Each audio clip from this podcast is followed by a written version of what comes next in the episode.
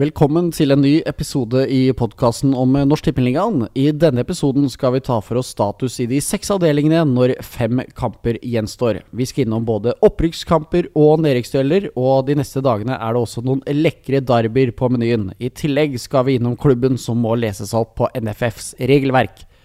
Det var agendaen, Anders. Høres det ok ut? Det her blir en eh, fin time.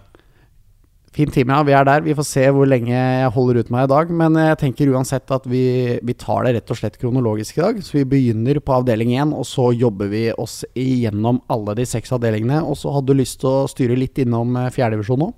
Ja, det er jo eh, spennende opprykkskamper. Hvem som skal få være med i Norsk Tippingliga neste år. Så det må vi prate litt om. Da tar vi det til slutt. Men aller først så begynner vi i avdeling 1, hvor Eidsvoll Turn topper tabellen med 56 poeng foran Lørenskog på 49. Og det vil jo si at eh, om to runder så kan Eidsvoll Turn allerede være klare for opprykk.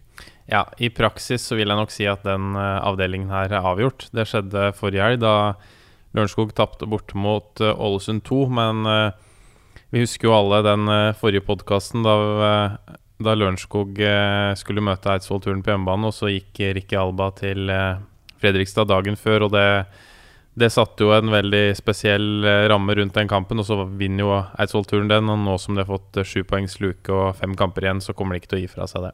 Så det blir opprykksfest på Myrer i år? Ja, det blir opprykksfest på Myrer i år. Vi har jo som sagt da Lørenskog som følger etter, eh, mens eh, Sarpsborg 02 sitt andrelag ser ut til å bli nummer tre. Og så mye mer spenning er det egentlig ikke toppen der, så vi får heller bevege oss eh, ned til bunnen. Og der befinner faktisk Stabæk 2 seg under streken. De vant riktignok nøkkelkampen mot Kråkerøy sist, og er de laget som har best forutsetninger for å klare seg. Best forutsetninger har de jo ikke, for de er jo under streken med fem kamper igjen. Men det er jo fryktelig tett der, da. Eh, vi kan vel faktisk ta med helt opp til Ålesund 2 på sjetteplass, som har eh, fem poeng ned til nedrykk. Så det er, eh, det er åtte lag som kan rykke ned. Altså det blir to av de åtte lagene som følger Årvoll ned til fjerdedivisjon. Ja, og da er det jo også Sunndal som ligger under streka, som har Sarpsborg 08 i neste runde. Hva, hvordan er sjansene deres for å rett og slett klare seg her? For det er jo da tre poeng opp til trygg plass per øyeblikket. Ja, Sunndal hadde jo en, eh, en, veldig tøff uke sist. Spilte søndag, onsdag, lørdag. Fikk med seg eh, fire poeng derfra. Eh, vant hjemme mot Kråkerøy og spilte uavgjort borte mot Rommen. Det var nok kanskje ett eller tre poeng for lite. Veldig tøff uh, avslutning for uh, Sunndal. Har jo igjen uh, Lørenskog borte, Molde 2 hjemme og Eidsvoll-turen borte i de tre siste. Så det er jo to nøkkelkamper nå, da, hjemme mot uh, Sarpsborg 08s rekruttlag og Stabæk 2 sitt rekruttlag. Uh, men det ser veldig vanskelig ut for Sunndal med tanke på det gjenværende kampprogrammet. Men det som er litt spesielt med Sunndal, er at jeg har tenkt hele sesongen at de har vært hekta av. Og så hver gang det på en måte skal få nådestøtet, så vinner de igjen. Sånn som uh, i midtuka da mot Kråkerøy, da de vant 3-0. Eh, så de nekter å gi seg, så det, er jo ikke over for Sunndal ennå. Men de må i hvert fall vinne tre da, av de siste fem for å holde seg, og det, det, tror jeg blir veldig tøft. Ja, og Kråkerøy, da, som innehar altså 11.-plassen, som er trygg. Altså tatt mot Sunndal og Stabæk 2 i de siste. Det er jo ikke form som er betryggende. Det var veldig merkelig den kampen mot Stabæk 2. Stabæk 2 leda 2-0 til pause og hadde ganske god kontroll. Og så pådro de seg to røde kort. Eh, det siste i det 85., og så var det lagt til seks minutter. Så ble over ti minutter mot ni mann for Kråkerøy. Rakk å skåre ett i det 92., og så pressa de voldsomt de siste fire-fem minuttene. Men uh, Stabæk 2 holdt unna. Det var jo en veldig viktig seier for Stabæk 2. De har jo stilt faktisk veldig bra egentlig hele høsten. Uh, med tanke på eliteseriespillere som eh, sitter på benken i Eliteserien og spiller for Stabæk 2. Men de har allikevel ikke imponert sånn voldsomt. Så at Stabæk 2 eh, kan gå på et dobbelt nedrykk, det er ikke usannsynlig, altså. Ikke usannsynlig, men som Anders sier, altså. Ålesund 2, Molde 2, Rommen treff, Herd, Kråkerøy, Stabæk 2 og Sunndal alle i eh, nedrykksstriden. Og Årvoll nederst med 11 poeng. De er ikke i eh, praksis eh, nede, men i teorien er de vel allerede? Eh, ja, de kan jo maks ende på 26. Nå har jeg ikke den teorien i hodet, men at Stabæk, Kråkerøy ikke skal ta mer enn eh, ett eller tre og fire poeng i løpet av de siste fem kampene. Det er jo ikke sannsynlig. Så Årvoll er ferdig, ja. Men uh, Et lag som har imponert veldig etter sommerpausen, er jo eh, Rommen, da, som har eh, fem poengs luke med fem kamper igjen. Det, det holder nok med én seier. Eh, møter Kråkerøy hjemme på, nei, i Fredrikstad på lørdag. Vinner de der, så, så er det vel eh, så godt som i boks. Har jo hatt en, eh, en ekstremt bra høstsesong, Rommen. Sju kamper eh, der de har tatt poeng i alle. Så de, de, så litt møre ut rett før ferien der, men uh, har heva seg veldig og, og, ser ut til å sikre plassen nå. Så jeg tror nok uh, både Herd og Treff de møtes jo faktisk i siste serierunde i Molde. Det kan fort bli en nøkkelkamp i nedrykksstriden. Herd jo er jo veldig god hjemme, sliter voldsomt borte. mens Treff har hatt en, en veldig tung høstsesong. Hadde jo skal vi se. Uh, har jeg notatene mine her. Uh, treff har vel um, Hvor mange poeng er det de har tatt i høst? Det er ikke mange. Uh, ett poeng på de siste seks har jeg notert på treff. Så, så, hvis de fortsetter den trenden, så blir det nedrykk på treff. Det er også en tradisjonsrik klubb, så det, det blir spennende å se tampen, på tampen av sesongen her. Mange lag som kan gå ned, og veldig mange kamper der mye, mye står på spill. Så det er kult at det er mye å spille for. Vi lar det være siste ord fra avdeling 1. Vi hopper over til avdeling 2, og det er der vi finner ukas snakkis fra hashtag Enteligaen, får vi si. For altså Vålerenga 2 og Lyn spilte 3-3 på mandagskvelden, var det vel? Men eh, på protokollen så er det altså huket av protest for, eh, fra gjestene. For Vålerenga 2 de spilte rett og slett med for mange overårige på bana til samme tid. og Amatørmessig har klubbens egne fans eh, sagt noe om den situasjonen. Ja, øh, nå har vi ikke fått noen redegjørelser fra Vålerenga 2 på den, så usikker på om de De la seg flate på hjemmesida si i dag, så jeg. De har gjort Det okay. Det var sportslig leder Jørgen Ingebrigtsen som rett og slett la seg flat, som han sa der, og aksepterte selvfølgelig at Lyn hadde lagt inn en protest og innrømmet at de har gjort en feil. Ja, for eh, de er jo, spiller jo med fire mann som er over 22 år. Eh, keeper Kjetil Haug, Markus Nakkim, Erik Israelsson og David Vega.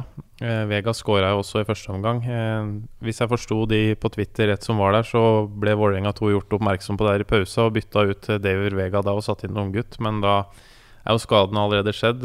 Skulle jo nesten tro at det var noe de bare de tenkte på der som en treningskamp. For opprykket er jo i, i praksis i boks. da At de ville ha kamptrening for for eh, de som ikke spiller fast for A-laget.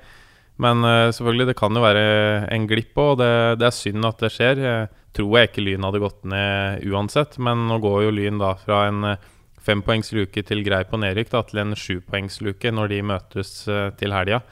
Det er jo veldig synd for Grei, da, som kunne da gjort forspranget ned til ett poeng, men i stedet er det, er det maks Hvor mange blir det maks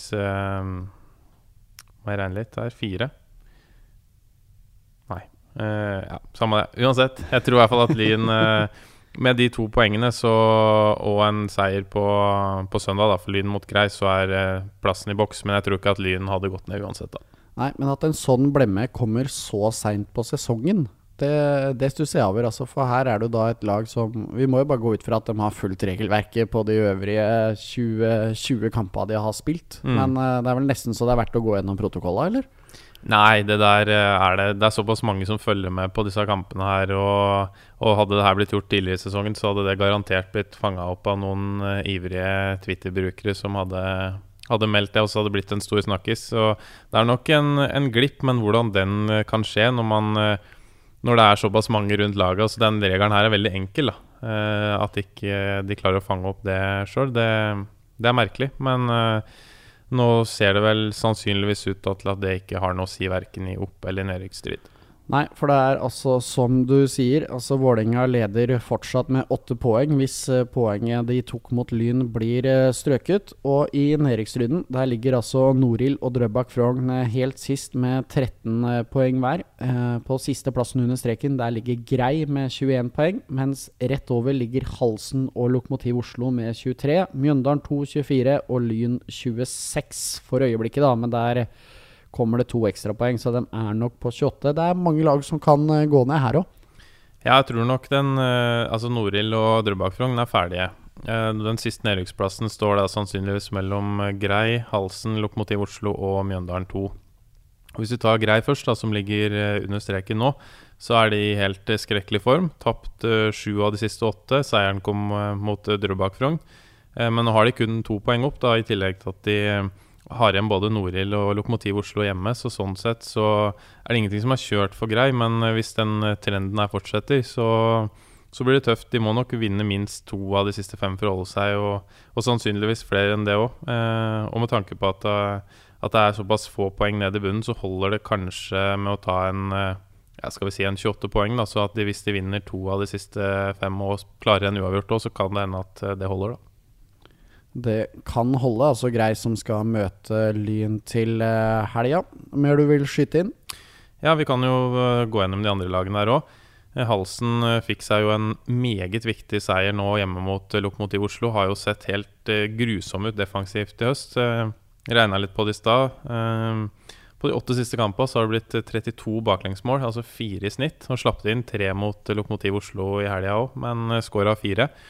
Det er jo klart at den uh, sekken bakover Den må snøres tettere igjen. For uh, hvis det skal bli tre-fire baklengs i hver kamp, så blir det ikke mange poeng. I, de gjenværende har jeg også to tøffe kamper nå med, med FK Tønsberg nå til helga. En kamp vi har Tønsberg som ganske klare favoritter til 1,55 i snakkende stund. I tillegg til at vi møter Vålerenga 2 i Oslo helga etter der. Så det er fort i de, de, tre siste kampene det må gjøres, da.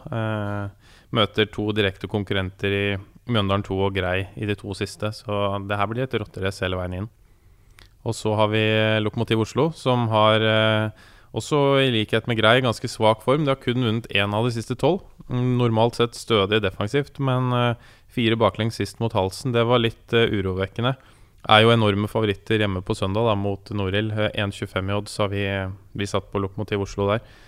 Uh, I tillegg til at de har en, en uh, hjemmekamp mot Drøbak Frogn, der de kommer til å bli veldig store favoritter i. Hva, hva var oddsen på i Oslo, sa du? 1,25 hjemme mot Norhild. Så det blir nok kanskje i samme land mot Drøbak Frogn, kanskje enda større òg. og hvis de klarer å klore med seg ett eller tre poeng i løpet av de tre andre kampene, så bør det nok holde for Lokomotiv Oslo. Da er de oppe på 30, og det, det holder nok. Og så har vi Mjøndalen 2 til slutt, da, som har stilt bra hele veien, men har slitt. Uh, egentlig mer enn uh, man kunne spådd på forhånd. Men nå de, kommer de fra 4-1-seier borte mot Frigg og 4-2 hjemme mot Ullern. Det er jo to kjempesterke resultater. Stilte også veldig ungt uh, nå mot Ullern med tanke på at uh, Mjøndalen spilte cup mot Haugesund i midtuka. Og sønnen til Vegard Hansen, Adrian, han skåra to mot Ullern og er sterkt delaktig i at de vant den kampen. og har jo også blitt litt svakere i vinter, nei, i høst, mener jeg, med tanke på at de lot Alfred Skriven og Diomande går på lån til Ullkisa. Så eh, hvis Mjøndalen 2 uh, hanker det her inn på slutten, så er det bra. For det, de har hatt en tøff sesong, men det har nok vært god læring. For i fjor i fjerdedivisjon i Buskerud så vant de nesten absolutt alle kampene. Så det er en, en fin arena for Mjøndalen 2 der to nedrykkstrider i høst altså for uh, Mjøndalen. Vi uh, beveger oss over til uh, avdeling tre. Et lite øyeblikk, skal vel bare skyte kjapt inn her. Jeg må også ta et par linjer om Reddy, da, som jeg syns så veldig ferdigspilt ut. Jeg nevnte dem også på Twitter her. Min tidligere lagkamerat Vega Lund Næss, som er trener der, har fått til en veldig sterk høst der. Fem seire og to avgjorte på de sju kampene de har hatt nå i høst. og og så egentlig veldig ferdig ut før, før sommeren, men har heva seg voldsomt. og og den jobben de har gjort med å snu det her, er veldig imponerende. Og nå, nå er det, det er tett oppover oss, og klarer de en øvre halvdel her, så er jo det en ekstrem prestasjon av et lag som lå nest sist eh, til ferien. Greit, da kan du få ta deg en eh, slurk vann mens jeg bytter avdeling fra avdeling to til avdeling tre. Altså avdelingen fra Telemark, og som går via Sørlandet og opp til eh, Stavanger-området. Der er det allerede kamp eh, i kveld, for vi spiller inn denne podkasten på en eh, torsdag. Det er lite derby, rett og slett. Ikke så lokalderby, men altså det er Brodd mot Stål Jørpeland. Jeg så NFF Rogaland tvitre at vinneren var uansett garantert plass neste sesong. Det kan jo fort hende at begge lagene spiller i Norsk Tippeligaen neste år uansett her. Det skal veldig mye til at ikke begge spiller der, uansett uh, utfallet av dagens kamp. Men uh, vinneren vil jo stå på 31 poeng, og da med tanke på at de, lag, lag, nummer én og både over og under streken, uh, Bryne 2 og Start 2, har 22 poeng, og de møter hverandre på mandag, så er det vel fort et lag som står igjen med 22 etter den, og da, da er du sikker på 31. Så det Jeg tror nok begge lag klarer seg uansett. Ja, vi kan fortsette i bunnstriden, for du nevnte det jo her. Altså, det er Storm som ligger helt sist med sju poeng. Vardeneset på 13.-plass med 18. Under streken Start 2 med 22. Rett over streken Bryne 2 A-poeng. Og så har Madla eh, 27, Don Brodd og Stål Hjelpeland 28. Og som du sa, altså det er eh, Skal vi se hvem som har hjemmelag. Start, eh, det er Start 2 hjemme mot eh, Bryne 2 på mandag. Altså en eh, ja, skal vi kalle det vinn eller forsvinn, og eh, holde seg eller rykke ned-kamp? Det blir veldig tabloid, men du er jo eh, en dyktig journalist, så du kan godt få kalle det Men jeg tror eh, ingen av lagene som Hvis det skulle bli en vinner der, så tror jeg fortsatt ikke taperne gir opp av den grunn. Men hvis vi begynner helt i bånn, da. Vardeneset, som har fire poeng opp til trygg plass. Har jo hatt en veldig tøff sesong, Vardese. Veldig skadeplaga. Borte mot Don for en måned siden så hadde de to mann på benken, og en var trener i Kartenge. Så um, det er jo, er jo, vanskelig da, når de knapt har folk. Uh, men har ikke et umulig program igjen. Og så vant de 3-1 mot Madla i forrige midtuke, en kamp de måtte vinne. Men de risikerer å være sju poeng bak uh, Eller ha sju poeng opp til trygg plass etter helga, altså? Ja, de gjør det. Uh, og er jo avhengig av å vinne i hvert fall fire av de siste fem. Eh, men hvis du ser liksom på gjenstående programmet, så er det liksom ingen kamper der, det, der man kan tenke sånn at det er helt umulig. Jeg har bl.a. Viking 2 i siste serierunde, men det kommer til å bli et juniorlag på Viking pga. at det er en lørdag og A-laget da sannsynligvis spiller søndag. Eh, så, så ingenting er umulig for Vardeneset, men så klart det er, det er jo veldig stor sannsynlighet for at de må ta veien i fjerdedivisjon med tanke på at det er fire poeng opp på fem kamper igjen. Det er det. I, I, toppen her så er det ikke like spennende, fordi eh, fredag kan jo faktisk eh, Fløy eh, Flekkerøy feire, feire opprykk hvis de slår Vindbjart borte. For de leder altså med 57 poeng. Ned til Mandalskameratene på andreplass er det 45. Det hadde jo vært en herlig, herlig fredagskveld for Fløy Flekkerøy med seier der, altså. Ja, altså Det opprykket her har jo vært klart i praksis ganske lenge. Men sånn, hvis man tenker teori, så er det fortsatt eh, en mulighet for at Mandalskameratene kan ta opprykket selv om Fløy skulle vinne mot eh, Vindbjart fredag kveld. For da vil det jo være Hvis Mandalskameratene vinner sine resterende fem, så vil jo det ende på 60, og da har begge lag 60. Og selv om eh, målforskjellen da vil bli avgjørende, så så mm, hvis Fløy vinner da, og Mandalskameratene f.eks. spiller uavgjort da, mot Porsch på lørdag, så får Fløy-guttene vente til eh, lørdag kveld da med å ta den eh, opprykksfesten. Blir ikke noe glass på fredagen her, tror du altså? Altså Med tanke på hvordan eh, tabellen er, så kan de drikke glass både i kveld og på fredag og på lørdag. For det opprykket her det er i boks eh, for lenge siden. Uh, 18 seire, 3 øvert og 0 tap. Kun 14 baklengs på 21 kamper. Det har vært ekstremt imponerende av Fløy. Vi må jo si at det også er gøy at uh, Mandalskameratene De har jo så å si sikret seg andreplassen allerede òg, som uh, har levert en uh, meget god sesong. Ja, helt fantastisk sesong. Vi hadde vel 100 eller 150 odds tror jeg, på at Mandalskameratene skulle rykke opp. Nå er det jo faktisk ikke i nærheten av å rykke opp, da, men en andreplass det, det tilsier jo at oddsen skulle vært rimelig mye lavere enn det. Har jo levert over all forventning, Mandalskameratene. Har skrytt av de flere ganger, så det veldig bra lag, og morsomt å se uh, hvor bra de har tatt nivået. Så blir det spennende å se om de klarer å følge opp det neste år. Det, det vanskelige andre året klarer de å beholde alle. Joakim Holtan har vi jo nevnt mange ganger. Spiller han i Mandalskameratene neste år? Sannsynligvis ikke, men hvis de klarer å, å beholde sine beste og, kanskje får tilbake et par Det er jo mange gode mandalitter rundt om i Fotball-Norge, så at Mandalskameratene kunne spilt både ett og to nivåer lenger opp hvis de hadde hatt eh, samtlige elleve fra Mandal eh, Eller de beste, elleve beste fra Mandal. Det, det, er ikke utenkelig. Da legger jeg på en ny krone på snakkemaskina di, så kan du få si eh, det resterende du har å si om eh, avdeling tre. Ja, det var vel egentlig det eneste som er spennende her, er jo hvem av eh, Bryne 2, Start 2 og Vardeneset som holder seg. Eh, for i toppen er det jo avgjort, og, og hvem som blir nummer fem, seks og sju er jo ikke så interessant. Eh, Start 2 skal jo, skal jo holde seg med tanke på, på ressursbruk og sånt eh, kontra Bryne 2. Men eh, Bryne 2 har et ganske overkommelig gjenværende program, så at det her går hele veien inn med Bryne 2 og Start 2, det skal du ikke se bort ifra. Det blir spennende å se. Mandag kveld altså, en ordentlig nedrykkskamp på Sør, eller Sparebanken Sør Arena. I avdeling fire der har Vard Haugesund festet et solid grep om opprykket med sine 52 poeng. Ned til Djerv 1919 er det seks poeng med fem kamper igjen, altså. Eh, og det er jo lov å håpe på en seriefinale mellom disse to lagene i den siste serierunden. Men Vard har jo også hele 34 mål bedre i målforskjellen sin. Så da må Djerv 1919 være innen to poengs rekkevidde før den siste kampen. Og jeg har lov å håpe, men er det med det? Ja, sånn uh, sesongen har utvikla seg for Vard Haugesund, så er det nok kun et håp. Vi uh, ble jo litt bortskjemt i fjor med to rene finaler i, i siste serierunde. Det har ikke vært uh, så jevnt i år. Det er jo allerede fire avdelinger som i praksis, og kanskje den avdelingen her òg er avgjort, og kun én avdeling det virkelig er spenning da i toppen. Vard Haugesund med sju seire på de siste åtte har jo sett kruttsterke ut og, og sendte et, uh, et, skikkelig signal forrige helg da de vant uh, 6-1 hjemme mot Fyllingsdalen, som hadde mulighet til å melde seg på i toppen hvis, hvis de hadde vunnet den kampen i Haugesund. Så det skal nok veldig mye til at det var et roter vekk, det her. Men uh, gjenstående program så er det noen trikk i kamper. Ja, de skal jo opp mot uh, Fjøra nå allerede kommende helg. Og det er jo et lag som uh, kjemper en, kall det desperat kamp for å berge plassen. Ja, Fjøra har heva seg veldig. og det er ikke noe lett kamp for Vard Haugesund.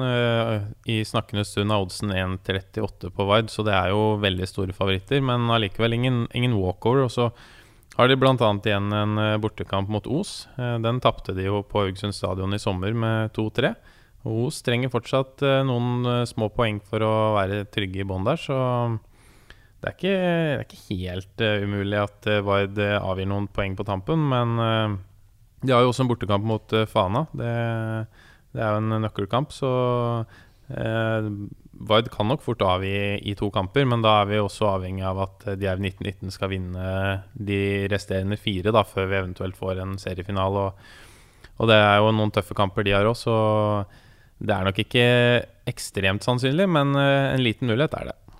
Men uh, gøy for uh, Haugesund-fotballen at det er deres to, uh, to lag som kniver her. Det var jo ikke akkurat den duellen som ble spådd før seriestart. Nei, vi hadde vel Lysekloster som en liten favoritt før sesongen. Og de hadde jo en veldig god periode på midten her, og så stoppa det seg veldig. Og nå er de nede på femteplass og har selvfølgelig gitt opp eh, for lenge siden. Eh, så det der var jo kun Djerv eh, 1919 som kan true opprykket, så opprykket blir i Haugesund.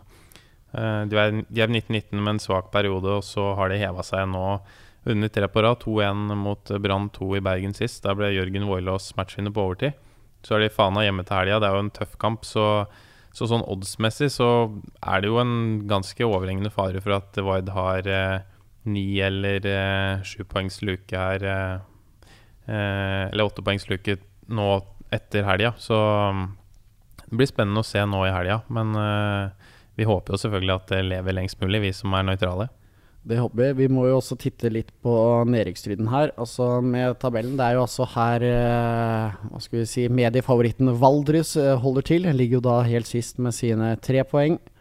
Eh, over ligger Bergen Nord med ti. Under streken ligger også Vestfossen med 21, mens Fjøra rett over har 22. Og så har Brann 2 24 og Os 27. Og vi kan vel si at trolig går Fjøra eller Vestfossen ned. Og så er det sånn at da førstnevnte vant det interne oppgjøret eh, mellom de to for eh, to runder siden. Men Vestfossen de har igjen både Bergen Nord og Valdres, altså de to eneste lagene som ligger bak dem på tabellen. En nøkkelkamp for eh, Vestfossen nå i helga. Eh, skal til Bergen og møte Bergen Nord. Det er en kamp de sannsynligvis må ha tre poeng i. Eh, nå var det vel sånn i sommer at det så ut som det skulle bli en eh, en ren kamp mellom Fjøra og Vestfossen. Men nå har både Os og Brann 2 klart å rote seg nedi der. Men vi vet jo at Brann 2 har såpass med, med køl på lager at de kan uh, sikre her på egen hånd. ja, dem har en Valdres. Ja, altså Brann 2 rykker ikke ned. Det, og, og, Os uh, har igjen uh, et relativt tøft program, men hjemme mot Fjøra neste, neste helg er de ganske store favoritter i. Så det står nok sannsynligvis mellom Fjøra og Vestfossen. og hvis vi ser på programmet til Vestfossen, så har de jo også Valdres i siste kamp, da, som skal være tre poeng. I tillegg til at de har eh, tre andrelagskamper mot Godset 2, Sogndal 2 og Brann 2. Det er jo vanskelig å vite hva som uh, møter dem, mens uh, Fjøra de, de har en del vanskelige kamper. altså De har Fana hjemme, Djerv 1919 borte, avslutt hjemme mot Sogndal 2. Det, sånn det ser ut nå, med tanke på gjenværende program, så holder jeg Vestfossen som en, eh, en knapp favoritt for holdeplassen der, til tross for at de er eh, ett poeng bak Fjøra i snakkende stund. Det blir eh, spennende å se deg. Fjøra får jo være glad for at du i hvert fall slo Vestfossen her, da. Det var jo helt nødvendig kriterium for å i det hele tatt kjempe om denne plassen. Ja, da jeg så det motsatte oppgjøret i RVS-parken i, i, sommer, Vestfossen mot Fjøra, så syns jeg Vestfossen var klart bedre enn Fjøra. Men Fjøra har heva seg veldig utover sesongen og, og, er jo det laget som har vist en, en veldig formstigning her. Så så det var en viktig seier eh, de hadde mot Vestfossen der. Og så er det ikke noe umulig at de får med seg eh, poeng i noen av de tricky kampene mot slutten. Så det her lever nok fort til siste serierunde. Fjøra mot Vard Haugesund på Fossagane campus eh, lørdag klokken 1300 hvis du befinner deg i Sogndalsområdet. Vi hopper videre til avdeling fem, altså trønderavdelinga, med et par lag fra Hedmark og Oppland i tillegg. Her leder Rosenborg 2 med åtte poeng ned til Ranheims eh, rekrutter, og det kommer vel ikke til å glippe. Nei, det skal nok veldig mye til. Åtte poengs luke og fem kamper. Da er det nesten sånn at de må tape resten. Ranheim 2 skal jo nedover hit på mandagen og møte Gjøviklyn. En kamp de eh, fort blir eh, underdogs i, så det, det er nok spikra det opprykket her for Rosenborg 2. Ja, for det er altså der, og nærmest følger eh, Gjøvik-Lyn med sine 39 poeng. Men de har vel egentlig hatt en uh, skuffende høst, uh, Rocky Lexai og, Lek og co. Rocky Lekai. Ja, Rocky Lekai, ja. Leksai ja. der. Nei, Gjøvik-Lyn, det har vi nevnt tidligere, at uh, ekstremt skarp offensivt, men uh, er litt for svake defensivt. Det blir litt for mange baklengs, som gjør at de ikke klarer å henge med helt med Rosenborg 2, men eh, det, jeg har jo vært inne på det tidligere i fjor og hva er best for et lag som Rosenborg 2? Å rykke opp og, og være, forsvare seg mye, eller å, å spille i tredjevisjon og i Norsk Shippingligaen og, og angripe mye. Men, eh, og da, I fjor var jeg veldig på det at kanskje det er best å være på nivå fire, men med tanke på nivåforskjellen og opp til eliten og sånt, og hvor bra Rosenborg 2 har vært i år uten noe særlig forsterkninger fra A-laget, så har jeg nok eh, skifta ganske brukbart mening på det. det ja, og de, var jo, de holdt jo følge med Byåsen i fjor òg, som eh, ja. rykket opp fra den avdelinga. Ja, også neste år eh, i Post Nord-ligaen med noen forsterkninger fra A-laget, så blir jo det her en, en meget god læringsarena for de unge Rosenborg 2-spillerne. Så å være på høyest mulig nivå, det det er nok det smarteste med tanke på spillerutviklinga. Under streka i avdeling 5, der ligger eh, helt sist ligger Steinkjer med 11 poeng. Verdalen har 17, eh, mens eh, Orkla har 21. Det samme har Kongsvinger 2, som ligger rett over, mens Raufoss 2 har 25. Brumunddal og Melhus har kommet seg ut 20, fra nedrykksstriden altså, med 29 og 30 poeng. og Raufoss 2 og Kongsvinger 2 møttes jo denne uka her, og det var eh, to solide lagoppstillinger som eh, barket sammen eh, på Raufoss. Ja, der var det mange A-lagsspillere. eh, det var tydelig at begge lag trengte tre poeng der. Det var Raufoss 2 som trakk det lengste strå der. 4-3, altså. 4-3, ja. Hvis vi ser på tabellen, så var jo det veldig viktig for Raufoss 2, som har, da har en luke på fire poeng ned til Orkla under. Og Målforskjellen til Raufoss 2 den er jo helt uh, grusom der, med minus 26. Og, um, oi, så eh, uh, 21 plussmålfordel Orkla der, så de skal ikke satse på at det her uh, ender på målforskjell, for å si det sånn. Men det er altså Orkla som uh, ligger under streken, som skal møte Rosenborg 2 uh, til helga. Og det ser, jo, det ser, jo, tøft ut for dem, når vi ser hvordan disse Obos-andre lagene har mobilisert. Ja, altså Det er veldig ekkelt å havne der i nedrykksstriden sammen med de rekruttlaga. Fordi man vet jo at de kommer til å legge på bra med spillere. Og Kongsvinger 2 har jo stilt veldig sterkt egentlig hele høst. og Kanskje gjort det litt uh, svakere enn en forventa, men i enkeltkamper har de jo vært veldig gode. Vant jo vel med 4-0 eller noe sånt bort mot Ranheim 2. Så, så Kongsvinger satser veldig på å holde, holde, laget. Og de møtes vel, om jeg ikke husker helt feil, så møtes de på Gjemselund om halvannen uke. Og det blir jo en nøkkelkamp, og der kommer nok Kongsvinger til å stille veldig bra. Og så og så er det opp til Orkla egentlig å, å ta flest mulig poeng på egen hånd. De har jo egentlig et uh, overkommelig program, sånn, bortsett fra at de møter Rosenborg 2 nå. Det er jo ingen umulig kamp å ta poeng i på hjemmebane. De tok vel uh, poeng hjemme mot uh, Ranheim 2 òg, så det jeg er ikke kjørt for Orkla selv om de skulle tape mot Rosenborg 2 nå på fredag. Nei, og så laget fra Lottobygda, da. Altså Verdalen, som uh, så helt ferdig ut idet vi gikk inn i sommeren her. Men uh, noe har de klart å mobilisere. Fikk senest med seg ett poeng nå som, uh, mot Tiller, som gjør at det er jo bare fire poeng opp. Ja, altså For Verdal sin del så har det vært egentlig veldig mye nesten egentlig hele høsten. Fordi de var jo her i, på Østlandet og røk 0-4 på Sveum mot Brumunddal. Og så og så etter det så tok de åtte poeng på fire matcher og, og hadde en hjemmekamp mot et ganske ungt Raufoss 2-lag der det liksom nå var det eh, seier her, så var de virkelig med igjen. Og så klarte de kun 1-1 der etter å ha utligna på overtid. Og så i de to siste kampene har det blitt 2-2 borte mot Kongsvinger 2 og 1-1 hjemme mot Tiller, der uh, utligna Tiller ett minutt før slutt. Og, og der pådro uh, Verdal seg rødt kort, og det var faktisk lagets tiende røde kort den sesongen her. Det er jo uh, helt utrolig.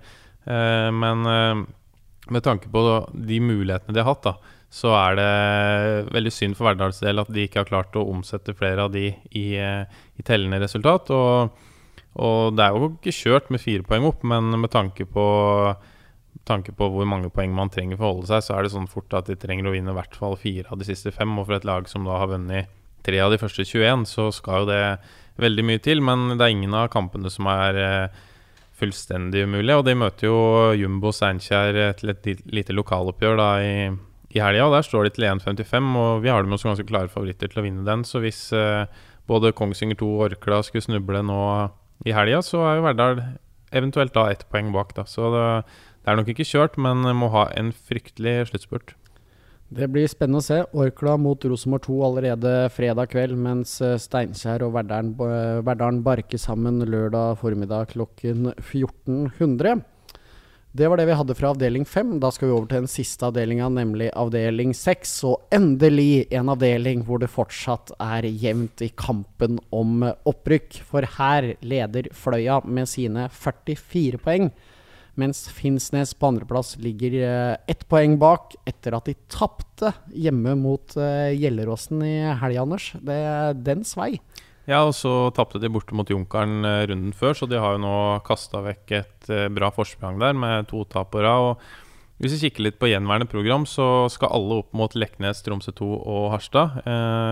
I tillegg så har Finnsnes en meget tøff bortekamp eh, i morgen kveld mot Bodø-Glimt 2, som er på plassen bak. Så der er det, der er det fort en 50-50-kamp, kanskje en knapp Bodø-Glimt-favoritt òg. Så, så, sånn sett så er det Fløya som er, eh, er, favoritter til å ta det her nå. Har jo også ett poeng å gå på virkelig eh, bruse med fjærene i helga som var, da de vant 6-1 hjemme mot Junkeren. Riktignok et veldig svekka, svekket Junkeren-lag, men eh, allikevel. Eh, Fløya, Fløya er godtgående. Og hvis de skulle ta dette opprykket her, vet du hvor lenge siden det er siden de rykket opp eller ned fra nivå 4 i Norge? Tolv år.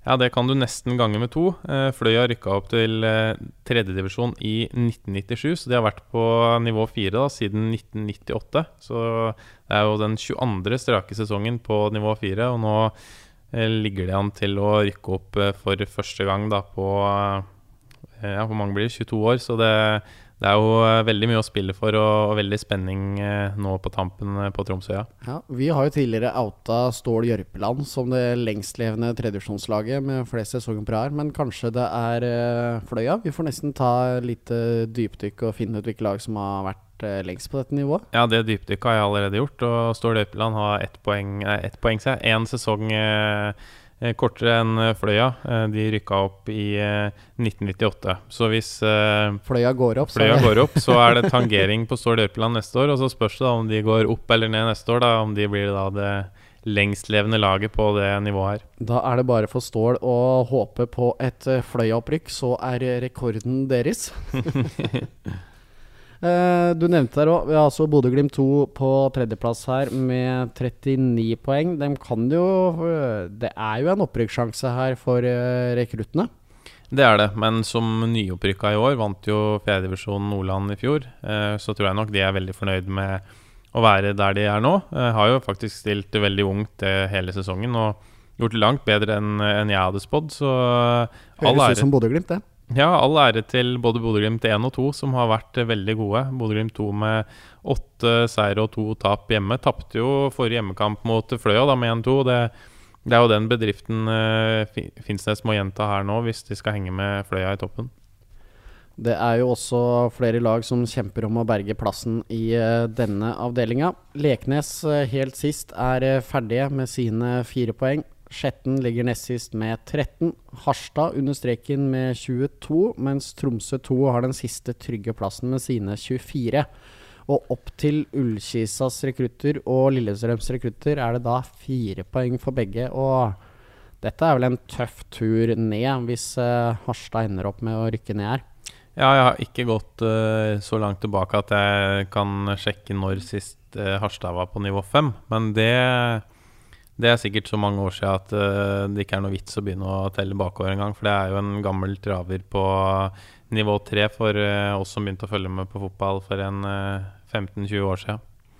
Så det er jo, hvis de skulle gå ned, så er jo det helt utrolig. Og de har jo hatt en skrekkelig sesong. Eh, hever seg litt nå på, inn mot, eh, mot slutten her, men eh, 0-2 borte mot Hønefoss sist, og fortsatt eh, favoritter til å ta det nedrykket. Tromsø 2 stilte jo veldig sterkt hjemme mot Ullkisa 2 sist. Skal jo også sies at uh, Ullkisa 2 kom med et veldig sterkt uh, lag der. Der utligna Runa Respejord to minutter på overtid og sikra ett poeng, sånn at de fortsatt har en liten luke ned da, på to poeng til Harstad. Men det kan bli spennende hele veien inn. Og Tromsø 2 ønsker nok å avgjøre det her så fort som mulig. Fordi de siste serierundene spilles jo på lørdager, og da er det ikke sikkert at Simo Valakari vil eh, slippe noen av guttene som skal være med på benken, ned på en B-kamp. Det er mye andre lag eh, som eh, har litt kniven på strupen her, men som eh, har også da anledning til å mobilisere litt for å berge plassen. Ja, det er jo sånn, eh, sånn, det er. At de kan kaste på litt når det kniper. Uh, det er jo selvfølgelig kjedelig, det, det, skjønner jo til og med de i Tromsø 2, at uh, oss nøytrale så er det jo kjedelig hvis et, et sånn tradisjonsrikt lag som Harstad skulle ryke til fordel for et B-lag. da, Så vi håper jo på at Harstad skal ha en god avslutning på sesongen her og kunne true både Tromsø 2, Ullkisa 2 og, og Lillestrøm 2 i den kampen der. Og så får vi se da hvem som, eh, som drar det lengste strået. Nå har jo Harstad hjemmekamp mot Skjervøy i helga, og det er en kamp de er knappe favoritter i. Et Skjervøy-lag som har vært bra denne sesongen her. Så det er en kamp Harstad må ha med seg tre poeng i. Så det, det blir en severdig affære. Det blir spennende her òg. To fredagskamper den kommende helga altså. Bodø-Glimt 2 mot Finnsnes og Ullkissa 2 mot uh, Fløya. Det var det Oi, nå røk stemmen her. Det var det vi hadde fra de seks avdelingene. Og det som er nytt i år, Anders, det er jo det at uh, i fjor var det jo fire nedrykksplasser fra hver avdeling. Nå er det bare tre. Det er altså 18 lag som går ned, men da skal vi også ha 18 nye lag uh, opp. Og hva er status på nivået under? Nei, Noen lag er jo klare uh, i teorien. noen er klare i praksis. Og så er det noen avdelinger det er kjempespennende fortsatt, så vi kan jo, kan jo gå gjennom. Kan jo starte i Nord-Norge. I Helt øverst, i Finnmark, der er det tre lag som kjemper om eh, å rykke direkte opp. Eller ikke direkte, for det blir en, en kvalik. Men uh, Tverrdalen leder med ett poeng ned til Porsanger og to til Hifstein, altså Hammerfest slash Stein. Men uh, Dalen har én kamp til gode, så de har råd til å tape en av de en av de siste tre og likevel rykke opp, så de er ganske klare favoritter til å ta det opprykket her. Har du vært eh, oppi der og sett kamp, Lars? Så langt nord har jeg aldri eh, Jo, jeg har vært i, har vært i Finnmarkshallen, ja. jeg. tenker på om jeg har vært i Alta og sett kamp. Ja, ikke sant? Som ikke ble tellende. Ja, der ser du. Den kampen mot Nybergsund, da. Helt riktig. Ja. Nei, og Tverdalen er jo rett utafor Alta, så da har du mulighet til å få med deg en uh, dobbel i Finnmarkshallen og på Sparebank1 idrettspark uh, neste år, hvis uh, Dalen rykker opp. Men som sagt så er det kvalik i Nord-Norge. Det er altså da fire avdelinger nord for Trøndelag og tre lag som skal opp. I de to sørligste avdelingene, Nordland og Hålogaland, så er det klart at Rana FK, altså da fusjonen av eh, Stålkameratene og Mo i Rana. Eh, altså Mo IL, Stålkameratene og Mo IL, eh, de har vunnet fjerdedivisjon der og skal ut mot Skånland i kvalifisering. Mens i eh, fjerdedivisjon Troms, der er det veldig spennende. Laget som leder nå med tre serierunder igjen, det er faktisk Fløya 2. Eh, og det som eh, kan bli, eh, bli problemet her, er hvis Dette her er jo avgjort før Norsk Tippingligaen er avgjort. og da må vi venter, Hvis Fløya 2 vinner, så må vi jo da vente og se om Fløya 1 rykker opp, før vi eventuelt kan starte kvaliken her oppe med Fløya 2, da. Dobbelt opprykk for Fløya muligens, altså? Ja, egentlig, men eh, Fløya er en breddeklubb. Skulle de rykke opp med Fløya 2, eh, så vil de jo ha to lag på allnorsk nivå og ekstreme reisekostnader. Og den reiseutjevningen som gis av NFF, den gis ikke til rekruttlag som har da et A-lag lenger opp i systemet. Ergo vil Fløya 2 måtte betale absolutt alt sjøl. Og for dere som har da abonnement på uh, A-media, kan du gå inn og lese en, en, fin sak om nettopp dette opprykksdramaet i avdeling eller fjerdedivisjon avdeling Troms, uh, skrevet av nordlysjournalist Lars Eidesen. der Fløya 2 sier vel egentlig rett ut at å ha to lag på allnorsk nivå neste år, det blir en altfor stor kostnad. Så hvordan de gjør det på tampen av sesongen her, da, om de velger å tape et par kamper, stille svekka, eller hvordan de ønsker å gjøre det, det, er spennende å se. Men, eh, men hvis de da skulle velge da, å, å, kjøre på og vinner da, og så trekke seg, så kan det hende de da må, må ned i femtedivisjon neste år da, hvis de trekker laget. Så, og vi kan også da få den situasjonen da at hvis Fløya 2 takker nei til opprykk, så vil jo da de tre andre avdelingsvinnerne være automatisk klare, og det blir ingen kvalik. Så her er det mange ifs and buts. Det er jo Krokelvdalen som er nummer to med tre poeng opp, og Skarp, eh, fjorårets Norsk Tippingliga-deltaker, som er nummer tre med fire poeng opp. Så det er veldig spennende på tampen her i, i fjerdedivisjonen i Troms. Og så blir det nok noe å si da om, eh, om Fløya 1 rykker opp da med tanke på, på fjerdedivisjon Troms. Bra. Da beveger vi oss kanskje litt uh, sørover. Det, vi har vel ikke flere lag eh, nord for uh, det du snakket om nå, så da tar vi turen sørover. Hvem ligger an til opprykk? Nei, Vi kan jo da hoppe videre til Trøndelag. Der er det ikke kvalifisering. Dvs. Si at vinneren går opp. NTNUI er vinner i den ene avdelinga. Studentene der skal opp og spille igjen på Norsk Tippingliganivå neste år. Det blir jo et nytt bekjentskap. Veldig spennende å se. Har vært gode, veldig gode i år. Så blir det jo mer reising på dem neste år, så vi får se åssen de takler det. I den andre avdelinga så står det mellom Tynset og Trygg Lade. Tynset har ett poeng å gå på og har det i egne hender, mens eh, Trygg Lade må håpe på hjelp av noen av konkurrentene. Så der, eh, der lever det nok hele veien inn. Bare fortsett du med andre fjerdedivisjonsavdelinger. Ja, hvis vi holder oss litt geografisk da, og går nedover eh, på vestsida av landet, så kommer vi da til Nordmøre og Romsdal. Der er det veldig jevnt i toppen. Det er Kristiansund 2 som leder. Her skal altså vinneren ut i kvalifisering mot uh, Sunnmøre. Uh, leder tre, med tre poeng ned på bykollega Dale og ett poeng videre der til Eide omegn og Surnadal. Eh, vinneren der skal da ut i kvalifisering mot enten Bergsøy eller Volda, som er 1 og 2 i eh, Sunnmørsavdelinga. Og de møtes i nest siste serierunde i Volda. Det er vel fredag 18.10, mener jeg å huske. Og det blir en uh, fantastisk kamp der i studentbygda. så er du inne i uh, ja, en 100 mils omkrets der, så er det bare å sette seg i bilen og, og ture opp til Volda. Det er vel fort en kamp som blir direkte avgjørende. Så videre nedover i Sogn og Fjordane så er det Årdal som er i førersetet. Tre poengs luke til eh, Førde. Der går også vinneren direkte opp. Og Årdal har det i egne hender og et overkommelig program. Mens uh, i Hordaland så er det Sandviken som i praksis har avgjort den ene avdelingen og går direkte opp, mens det står mellom ganske mange lag uh, i den andre avdelingen. Både Bjarg, Åsane 2, Arna Bjørnar, Tertnes, Loddefjord og Gneist har innafor uh, seks poeng, så der blir det en, en, skikkelig kamp hele veien ut med, med tanke på opprykk. Og der går også vinneren direkte opp, da. Ai, ai, ai, ai. Kjør videre. I Rogaland så er det den mest uh, det mest fortjente opprykket i år det er det Åkra fra Karmøy som tar. De har altså vunnet 17 av 17 seriekamper denne sesongen. her Skåra 69 mål og kunne sluppet inn 8.